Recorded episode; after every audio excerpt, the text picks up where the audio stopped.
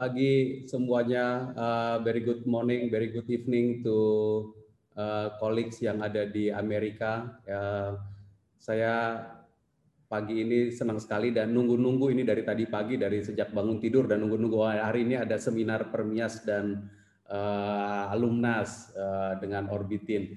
Kemarin sore itu saya di, di biasa ya dikasih jadwal untuk uh, hari ini. Lalu yang muncul itu adalah webinar orbitin.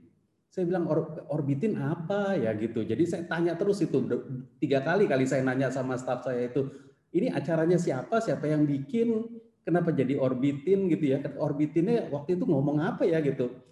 Begitu saya diingetin alumnas dan permias baru saya ingat oh ini yang waktu itu disampaikan oleh Pak Pak Wapres Eh, Pak Wapres yang ngontak saya, jadi sekaligus saya mau menyampaikan terima kasih ke Pak Bambang untuk uh, ngontak dan memberi kesempatan ngajak uh, mau nggak ke ikut di webinar ini. Saya senang sekali pada hari ini bisa menyampaikan beberapa hal yang mungkin lebih ke lebih ke cerita ya, lebih ke cerita. Nanti Bu Sinta juga bisa menceritakan banyak uh, apa yang terjadi dengan pemerintah. Saya juga ingin menceritakan itu uh, Bu Dona dan Ibu Bapak, teman-teman sekalian.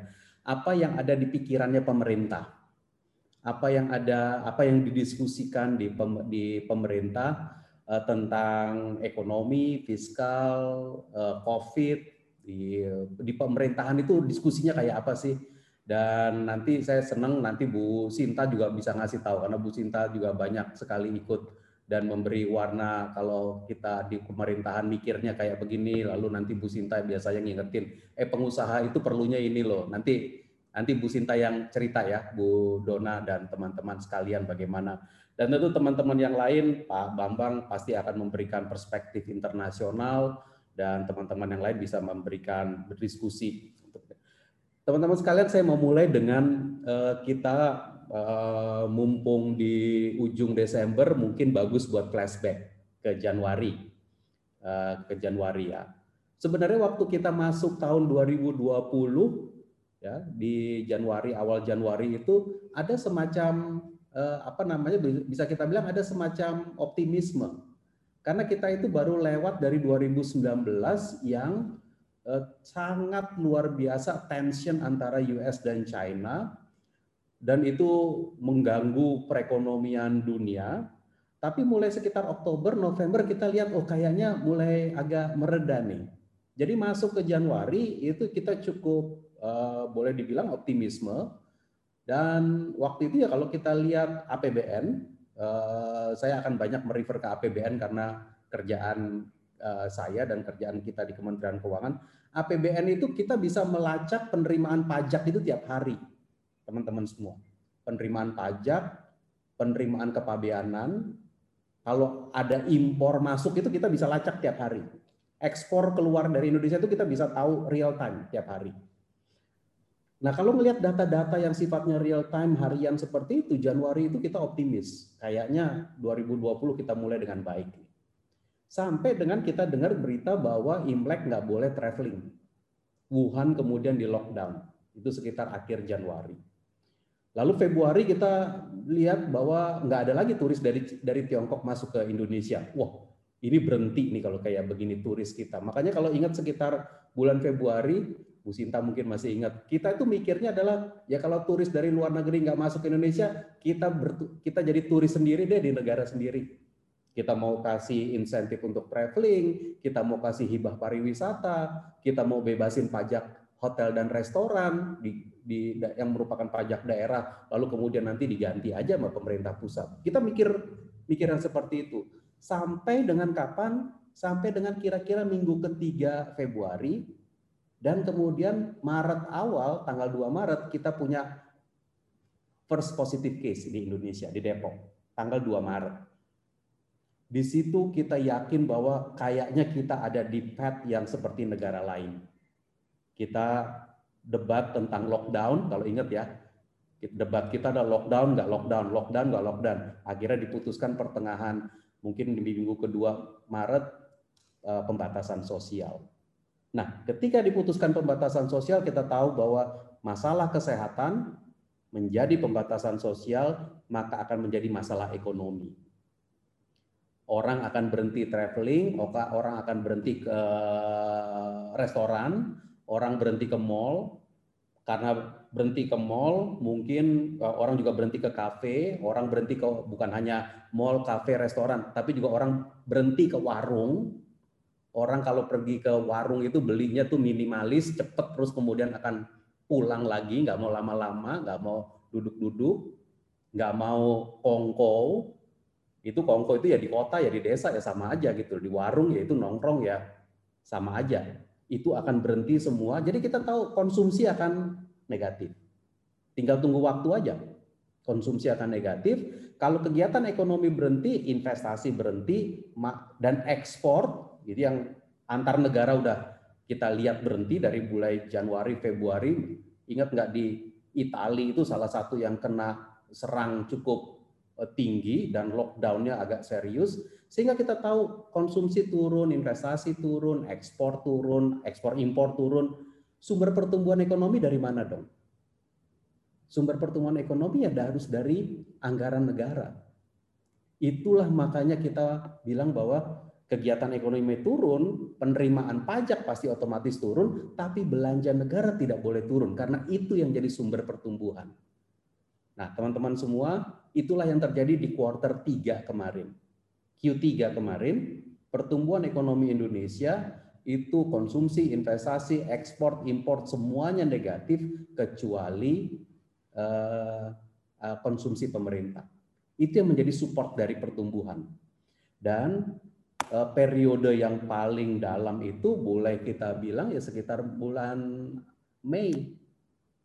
April, Mei, Mei itu paling dalam, Juni udah Juni juga cukup dalam, Juli, Agustus, September agak membaik dan itulah Q3 yang kita lihat kemarin. Sehingga kalau kita bilang bahwa eh, bahwa ini semuanya adalah di eh, dan ini terjadi bukan hanya Indonesia, ini terjadi di semua negara di di dunia Teman-teman yang di Amerika bisa pasti juga mengalami itu. Dan kemudian kita memahami bahwa ya ini antara COVID dengan ekonomi, growth. Ini uh, kalau slide tolong ke slide nomor 7. Ya. Ini karena saya bicara dengan alumninya uh, per, uh, apa namanya Permias dan alumnas, uh, slide itu bisa diubah nggak ke nomor 7. Kalau diubah ke nomor 7, Anda akan lihat itu bagaimana growth, ekonomi growth, itu berhubungan negatif dengan COVID. COVID-nya naik, growth-nya rendah. Kalau growth-nya, kalau COVID-nya turun, growth-nya bisa lumayan agak di sebelah kanan. Di uh, belum bergerak nih slide-nya nih. Uh, teman-teman yang megang slide tolong ke slide nomor 7 supaya bisa dapat Eh, apa namanya gambaran. Namun kita di sini yakin juga bahwa yang namanya menyelamatkan nyawa manusia itu yang nggak boleh dipisahkan dari growth, dari gerak ekonomi. Ini bukan bukan apa namanya, bukan either or. Tapi kalau kita lihat di negara-negara di seluruh dunia, hubungannya itu ya memang negatif. Nah, Indonesia di mana? Indonesia itu quite balance. Kalau ini belum bergerak nih gambarnya. Kalau gambarnya bergerak, saya bisa tunjukin Indonesia is quite balanced uh, karena Indonesia itu ada di di tren yang uh, di tren yang nah ini dia nih. Jadi ya sumbu tegaknya ini adalah tadi saya dengerin apa namanya judul tesisnya Bung Alvin Syah itu aku nggak ngerti itu barangnya apa. Tapi saya yakin teman-teman yang di seperti Bung Alvin Syah bisa ngeliat gambar ini deh meskipun nggak belajar ekonomi, tapi pasti ini gampang dilihat. Sumbu tegaknya itu adalah kumulatif deaths-nya COVID. Makin tinggi ya makin jelek berarti ya, per 100 ribu penduduk. Sumbu datarnya itu pertumbuhan ekonomi 2020, ini mungkin rata-rata semua sampai dengan kuartal 3. Lihat bahwa hubungannya itu negatif. Dan Indonesia itu ada di garis regresinya itu. Yang artinya Indonesia ya kurang-kurang norm lah normnya itu. Nah, kita lihat yang kelompok di sebelah kiri atas itu ya, Italia, Argentina, UK, France, Meksiko, wow itu tingkat kematiannya tinggi growth-nya kena hantam ke ke sebelah kiri itu. Minusnya itu ya, minusnya itu kan di sebelah bawah itu minus semua itu ya, praktis minus semua. Minusnya itu ya di sekitar 10, 11, 12 gitu. Indonesia ya minus ya nggak bisa nggak kena minus kita. Kita di sekarang sekitar minus minus 1,8 kalau tadi proyeksinya ADB nanti nah ini supaya politically correct karena ada Pak Wapres dari Asian Development Bank sekitar 2 2,2 ya sekitar itu terus sekitar sekitar garis garis tegak yang minus 2. Sekitar sekitar itu Indonesia dengan tingkat kematian yang kurang lebih juga setara dengan ya ini per 100 ribu penduduk ya. Jadi ini udah udah kita normalize, bukan kumulatif yang karena kan tiap negara beda ininya ya, beda jumlah penduduknya. Tapi Indonesia ada imbang di situ. Nah, dan kemudian kita tak bilang juga bahwa ya ini karena tadi kita bilang bahwa growth-nya itu yang support adalah pemerintah, maka di Indonesia di semua negara pemerintah diminta meningkatkan belanjanya besar-besaran. Diminta pemerintah yang meningkatkan belanja besar-besaran. Nah, kalau belanja itu meningkat besar, padahal perekonomiannya lagi kontraksi, belanjanya meningkat besar, maka defisitnya naik. Nah, defisit itu ya artinya utang. Artinya utang. Nah, gimana tuh hubungan antara utang kita dengan pertumbuhan kita? Karena harusnya utang itu menciptakan pertumbuhan ya. Kalau udah utangnya gede lalu pertumbuhannya nggak ada ya cilaka itu. Nah, harusnya kan kita berani utang gede, tapi kemudian ada efeknya untuk pertumbuhan ekonomi. Ini gambar yang mau saya tunjukkan. Ya, jadi sumbu datarnya tetap GDP growth, sumbu tegaknya adalah defisit terhadap PDB-nya. Makin tinggi eh, defisitnya itu bisa belasan persen. Indonesia itu sesuai dengan 2020 ini defisit kita ada di 6,3 persen. Makanya titik Indonesia agak di atas tuh di bawah minus 5. Ini exactly minus 6,3 dengan GDP growth di sekitar uh, sekarang minus 1,8 atau Pak Bambang nanti bilang itu minus 2, ya oke kita terima di sekitar minus 2. Tapi kita bandingkan kan the point adalah bukan the exact numbers, tapi look at Indonesia in the whole landscape of the world. Karena kan COVID ini kan dialami oleh semua di dunia. Kita memiliki fiskal defisit yang relatif rendah, relatif rendah ya, jadi agak di atas, kita bukan di levelnya minus 20% defisitnya, bukan di level kayak Amerika hampir 20% atau Kanada di sekitar 20% atau Jepang, Brazil, UK. Tapi kita berhasil menahan supaya kontraksi ekonomi itu juga jangan amblas ke 10, 11, 12 persen. Ini delicate balance dan ini yang coba di, bukan dikontrol, dicoba dicari balance-nya terus oleh kebijakan uh, fiskal, kebijakan APBN, kebijakan moneter, kebijakannya Bank Indonesia, dan juga kebijakan-kebijakan sektor real. Pak uh, Bambang Susantono pasti juga mengamati banget bagaimana negara-negara Asia menangani ini. Nah, teman-teman semua kita akan berada dalam situasi seperti ini dan secara makro kita berharap bahwa di slide berikut nomor 9 pertumbuhan ekonomi kita ya moga-moga kemarin amblas ya ke Q2 terus kemudian secara steady dia akan naik pelan-pelan. Tapi naiknya itu ya nanti akan membalance itu lagi. Growth dibalance dengan kumulatif debts. Kalau kumulatif debts menjadi terlalu besar, ya akan ada ngerem lagi. Jadi itu yang istilahnya tuh rem sama gas itu. Karena masalahnya ini sekarang bukan strictly masalah ekonomi kayak 2008 atau 1998. Ini masalah kesehatan. At the core of the problem is the health problems. Selama masalah kesehatannya kita nggak bisa solve dengan tuntas, ya perekonomiannya akan terlalu cari cari imbangan-imbangan itu. Nah kita tentu berharap Eh, so far ya kita berusaha nyetop kesehatan eh, masalah kesehatan dengan protokol kesehatan. Tapi kita tahu itu ultimately kita membutuhkan vaksin. Ya, membutuhkan vaksin karena namanya virus katanya nggak ada obatnya nih teman-teman yang belajar uh, biologi nanti bisa ngasih pencerahan. Bener nggak virus itu nggak ada obatnya? Yang ada bisa dicegah. Nah kalau dia dicegah, bisa dicegah, pencegahannya meluas, tingkat infeksi menurun, confidence naik, kegiatan ekonomi naik dengan sendirinya. Jadi kegiatan ekonomi itu dan kita tahu deh gimana cara menggiring kegiatan ekonomi. Karena kita udah belajar 2008 begitu ekonominya turun kita kasih stimulus. 1998 ekonomi kita amblas minus 13. Kita kasih stimulus, kita tahu persis gimana caranya. Tetapi kesehatannya harus uh, at the core of the problem. Nah, ini teman-teman sekalian, kalau kita lihat pertumbuhan negara-negara lain itu ya Indonesia itu yang di blok agak ungu di bawah. Kita di sekitar satu setengah sekarang. Mungkin nanti Pak Bambang bilangnya minus dua ya nggak apa-apa ya sekitar itulah. Tapi kalau yang kita di satu setengah terus kemudian yang lain adalah minus 8, minus 5, minus 10, minus 4, uh, itu ya dari perbandingan gitu yang saya tunjukkan. Kita mesti menah, mempertahankan momentum ini. Jadi this is a momentum to keep. Maka itu teman-teman mungkin ya udah melihat di media bagaimana pemerintah berusaha bukan hanya sekedar membangun confidence, sekedar confidence kosong, tapi kita punya tuh jejak jejaknya kita punya. Jejaknya yang gambar tadi yang gambar di atas. Pertumbuhan ekonomi dengan kesehatannya. Lalu kemudian kita coba kita teruskan ke depan ke luar. Nah kalau secara teknikal ada beberapa macam-macam yang di, uh, bisa ditunjukkan di dalam gambar. Namun saya mau menyampaikan aja ke depan. Mungkin pertanyaannya adalah so what is the game changer What is the game changer of this situation? Ya.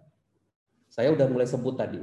Game changer yang pertama adalah protokol kesehatan yang meliputi ya protokol kita ya pakai masker dan jaga jarak, cuci tangan, batasi batasi sosial dan seterusnya. Tapi nah, dan nanti game changer berikutnya adalah vaksin yang pasti teman-teman juga mengikuti di di media massa eh, berbagai macam diskusi kita dan Indonesia jelas kita ada di dalam diskusi untuk mendapatkan vaksin tersebut. Karena Indonesia negara segini gede, segini besar, nggak mungkin kita uh, mendapatkan herd immunity hanya dengan nah. Tapi uh, kalau 2020 game changernya adalah pemulihan ekonomi nasional yang yang mungkin saya nggak elaborate terlalu uh, dalam lagi. Tapi saya itu ingin mengelaborate ya game changer kita yang lain yang ke depan Tadi protokol kesehatan dengan vaksin itu nomor satu. Game changer yang kedua adalah menurut saya adalah reform. Dalam situasi seperti pandemi seperti ini, kita itu berusaha supaya jangan sekedar keluar dari pandemi itu survival. Jangan cuma sekedar survive. Jangan cuma sekedar selamat. Gitu. Ya kita ingin selamat. Saya nggak mengatakan bahwa kita nggak mau selamat, tapi kita ingin selamat, tapi kita harus lebih dari itu kita dalam kesempatan kita lagi lagi punya pandemi gini harus bikin pijakan baru pembangunan ekonomi Indonesia. Dan pijakan baru itu salah satunya adalah ditunjukkan dengan Undang-Undang Cipta Kerja yang kemarin disetujui. Dan Undang-Undang Cipta Kerja ini bisa saya sampaikan bahwa saking ekstensifnya ini adalah betul-betul eh, kolaborasi pemerintah, dunia usaha, dan perwakilan politik kita. Karena kita ada kesadaran bersama bahwa ini ke depan pijakan kita mesti mesti lebih bagus. Kita jangan cuma sekedar survive selamat dari pandemi, nggak kena atau kita survive sembuh dan seterusnya. Tapi ketika nanti pemulihan mulai terjadi dengan yang tadi game changer nomor satu, protokol kesehatan dan vaksin, harus ada pijakan baru. Nah, Undang-Undang Cipta Kerja itu dimensinya luar biasa, Nanti kalau Bu Sinta, saya nggak tahu Bu Sinta ber, uh, punya rencana ngobrolin ini ya, atau ya. ya ya nanti Bu Sinta ngobrolin ini panjang lebar deh ya. Tapi saya ingin mengangkat satu dimensi dari Undang-Undang Cipta Kerja yang mungkin akan menjadi menarik buat eh, teman-teman uh, sekalian yang terutama yang kelompok intelektual, yaitu Indonesia sekarang di dalam Undang-Undang Cipta Kerja itu memperkenalkan yang namanya Sovereign Wealth Fund. Dan Sovereign Wealth Fund ini uh, salah satu game changer di dalam Cipta Kerja. Kenapa dia game changer? Karena begini, teman-teman pasti kan ngikutin ya, media masa ngobrolin segala macam dan salah satu yang paling gampang di di apa namanya paling gampang diangkat dan cukup cukup laku dan cukup sensitif dan cukup seksi adalah utang. Utang itu kan Anda ngikutin Mbak bahwa uh, menarik sekali dibicarakan. Dan salah satu dan poinnya adalah Indonesia ini kebanyakan utang. Nah, kita sih kalau ditanya soal itu saya dikasih satu sesi lagi saya bisa terangin kenapa utang Indonesia masih sangat kredibel dan aman dan di manage dan terkelola dan seterusnya. But that's not the point. The point adalah SWF Sovereign Wealth Fund adalah a new logic complementing leverage, complementing the debt. Kenapa? Karena Sovereign Wealth Fund itu yang kita bikin kemarin di Undang-Undang Cipta Kerja itu fungsi utamanya adalah untuk menarik modal dari luar Indonesia masuk ke dalam Indonesia dan bekerja di dalam Indonesia dengan logika bukan sebagai utang tetapi sebagai equity, sebagai modal. Jadi kita menarik modal dari luar. Masuknya ke Indonesia bukan sebagai utang, tapi masuknya sebagai ekuitas, sebagai modal. Jadi dia bekerja di dalam Indonesia sebagai uh, sebagai equity. This is a new logic. Uh, sebenarnya kalau kita bilang dari dulu ya, ya banyak sih modal asing masuk ke Indonesia lalu kemudian kerjasama dengan BUMN, kerjasama dengan dunia usaha swasta, bikin usaha di Indonesia.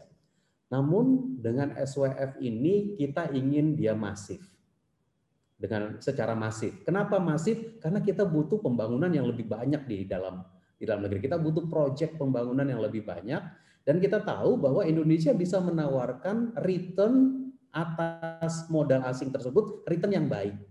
Nah, tinggal masalah kita mengelolanya nih. Nah, karena itulah dirumuskan yang namanya sovereign wealth fund tersebut dan uh, sovereign wealth fundnya dicukup dibuat lumayan uh, apa ya?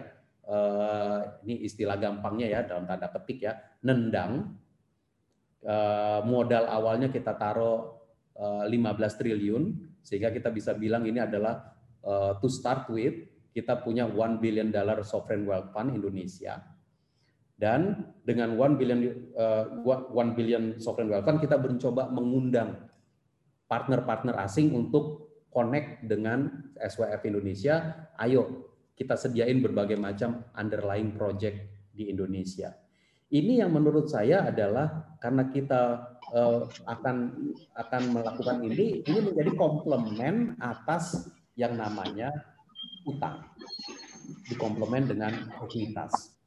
Ini teman-teman sekalian yang sekarang sudah mulai kita buat peraturan pemerintahnya sudah ada. Kalau mau apa yang ingin tahu SWF Indonesia kayak apa, uh, peraturan pemerintah nomor 73 tahun 2020 masih grass baru dua hari yang lalu ditandatangan oleh Bapak Presiden ada di uh, situs-situs uh, kita. Dan uh, kita lagi merekrut dewan pengawas. Ya dan dewan pengawasnya ini dibikin sesuatu yang cukup high level. Dia ketuanya adalah ex officio Menteri Keuangan dan uh, anggotanya salah satu adalah Menteri BUMN plus tiga profesional. Nah kita lagi mencari tiga profesionalnya nih untuk mengisi dewan pengawas. Habis itu kita akan mencari seluruh dimensi yang di bawah eh, direksi dan seterusnya. Tapi kita ingin bikin ini internationally respectable, internationally credible. Karena ini uh, this is the currency. Currency-nya adalah credibility dan juga uh, international uh, acknowledgement. Ini satu yang menjadi harapan kita sehingga kita bisa mempercepat Eh, pembangunan Indonesia. Kita keluar krisisnya jangan kita sia-siakan hanya sekedar uh, bertahan, bukan hanya survival, tapi membuat uh, reform untuk ke depan.